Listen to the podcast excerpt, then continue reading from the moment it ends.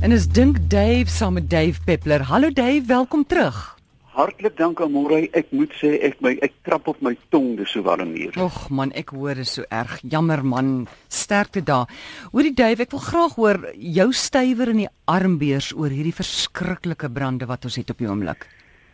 Al wat ek kan sê, die wat dit doen mag, jy weet soos die Bybel sê, Vader vergewe hulle want hulle weet nie wat hulle doen nie fynbos, die brande kom in fynbos voor en hierdie veldtipe of hierdie plantegroei tipe moet brand, maar hy moet elke 15 jaar brand. Um dit is 'n so sogenaamde vuurgedrewe veldtipe.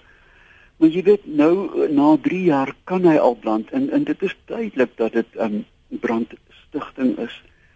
Nou mm. daar is jy weet die ou spreekwoord van moenie dinge op die eie stoep nie. Uh, dit is net so goed ons besoedel die aarde. Dit is net so goed ons ons is besig om hierdie hierdie voeding wat ons kry van die aarde te vernietig. Maar ongelukkig verstaan die mense wat dit doen dit glad nie. Ek my hart was gister seer toe ons oor die berge vlieg en daar by Wellington het dit gelyk na 'n vulkaan. Jy weet soos Vesuvius gelyk. En ek het weer eens besef dit kan nie natuurlike brande wees nie. En ons moet liggies trap op hierdie aarde om môre hy gaan terugkap. As jy sê vuurgedrewe bedoel jy spontane brand. Ja, kyk eh, eh, indien ehm um, fynbos nie brand nie, kan komponente soos die bolplante letterlik uitsterf.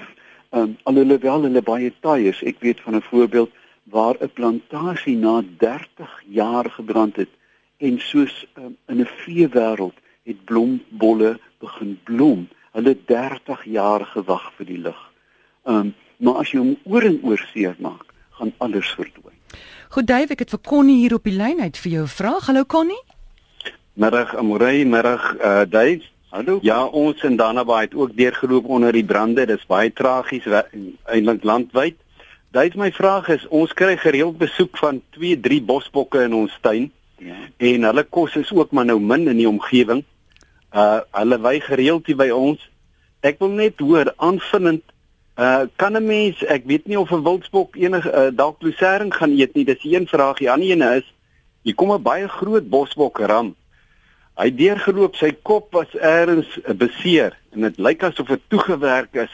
Maar ek dink is maar die natuur wat dit geheel het. My vraag is net, is daar enige medisinale waarde in byvoorbeeld 'n malva plant? Ek het 'n groot malva plant in die tuin. Is 'n variëteit nie 'n gewone tuinmalva nie met 'n baie dik stam. Nou sien my vrou die bok uh skuur gedurig deur daardie wond, die ou wond letsel op sy bokop, bo op sy kop, skuur hy teen die malva. Dis nogal interessant dat ek dink die bok dink dit is 'n baie helende het 'n baie helende effek. Ek luister by die radio nou. Lekker middag vir julle. Dankie Connie. Connie, dis 'n dis 'n baie boeiende op, opmerking wat jy daar maak. Ehm um, Ek het nog nooit daarvan gehoor nie. Ek weet dat bosbokke hondmak raak, maar dat ek nou gou 'n waarskuwing rig.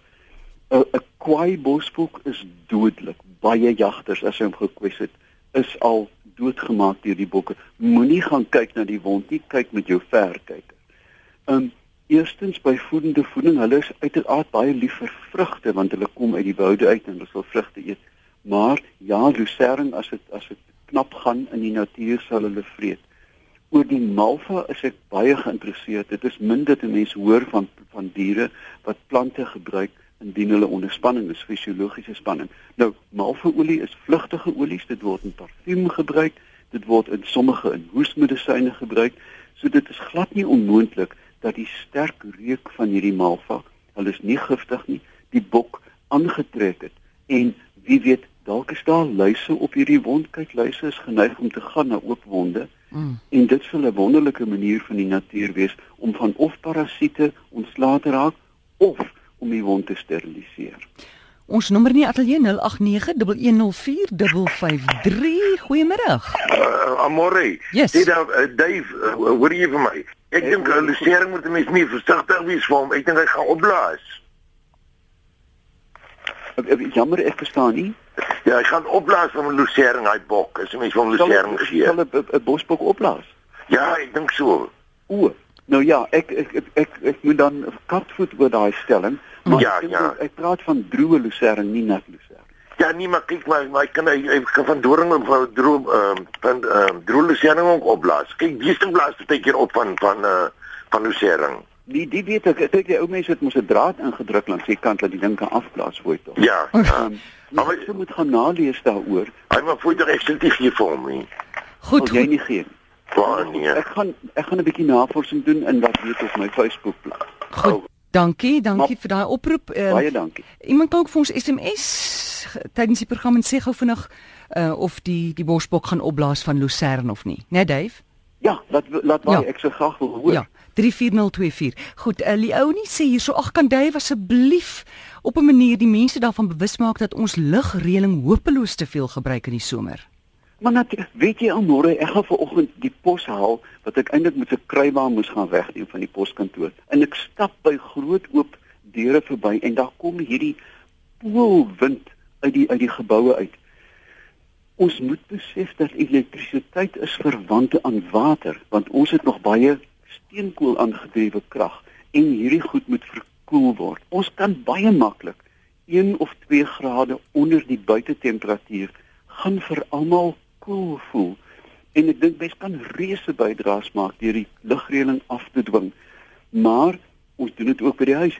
Trek 'n gordyn toe. My ouma het altyd gesê 'n huis moet getrek word Mm. terwyl dit nog koel is. Uh, Moenie jou oond gebruik as daar lugreëling aan is nie.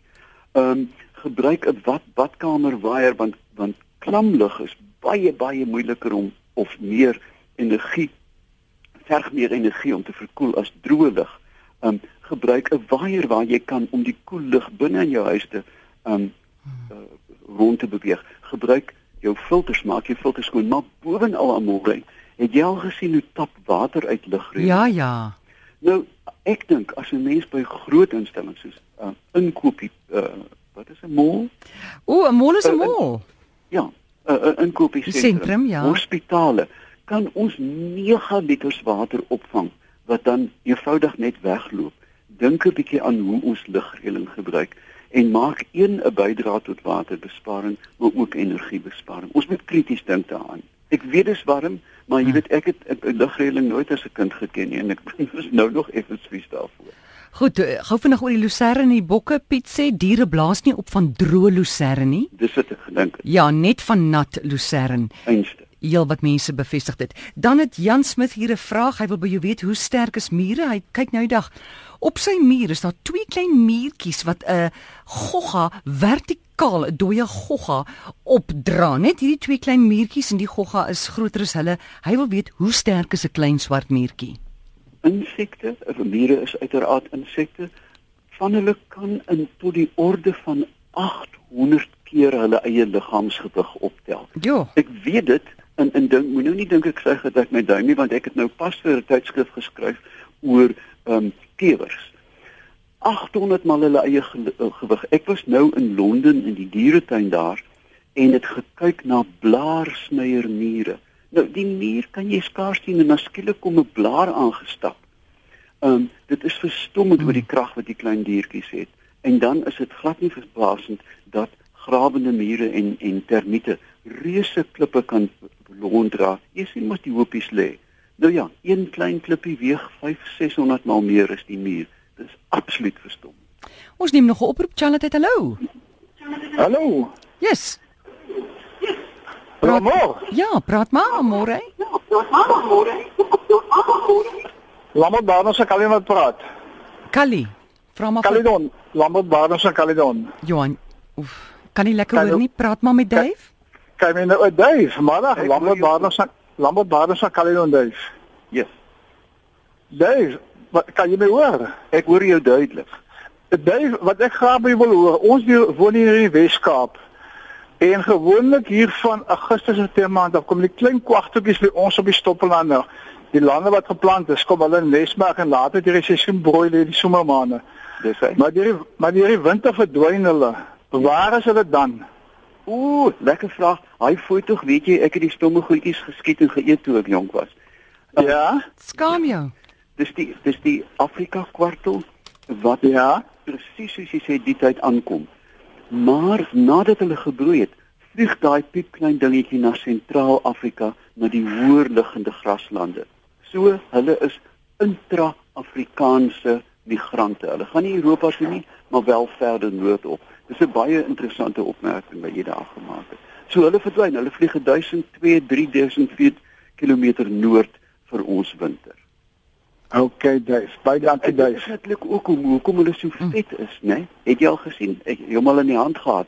Hulle Ja, het al- voor hy vlieg raak hulle moet hulle baie vinnig eet want hulle moet 30% meer liggaamsgewig opbou.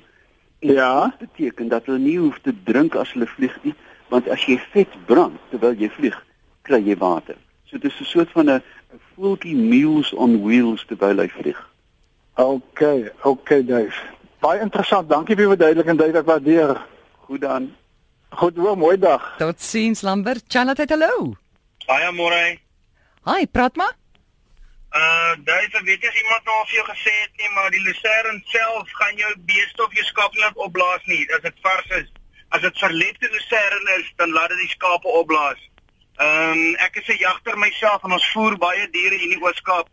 Die verlepte lucerne as hy vars is hy en hy en hy, en hy verlep, moet jy dit nie vir diere gee nie. Dis giftig, dit kan hulle doodmaak.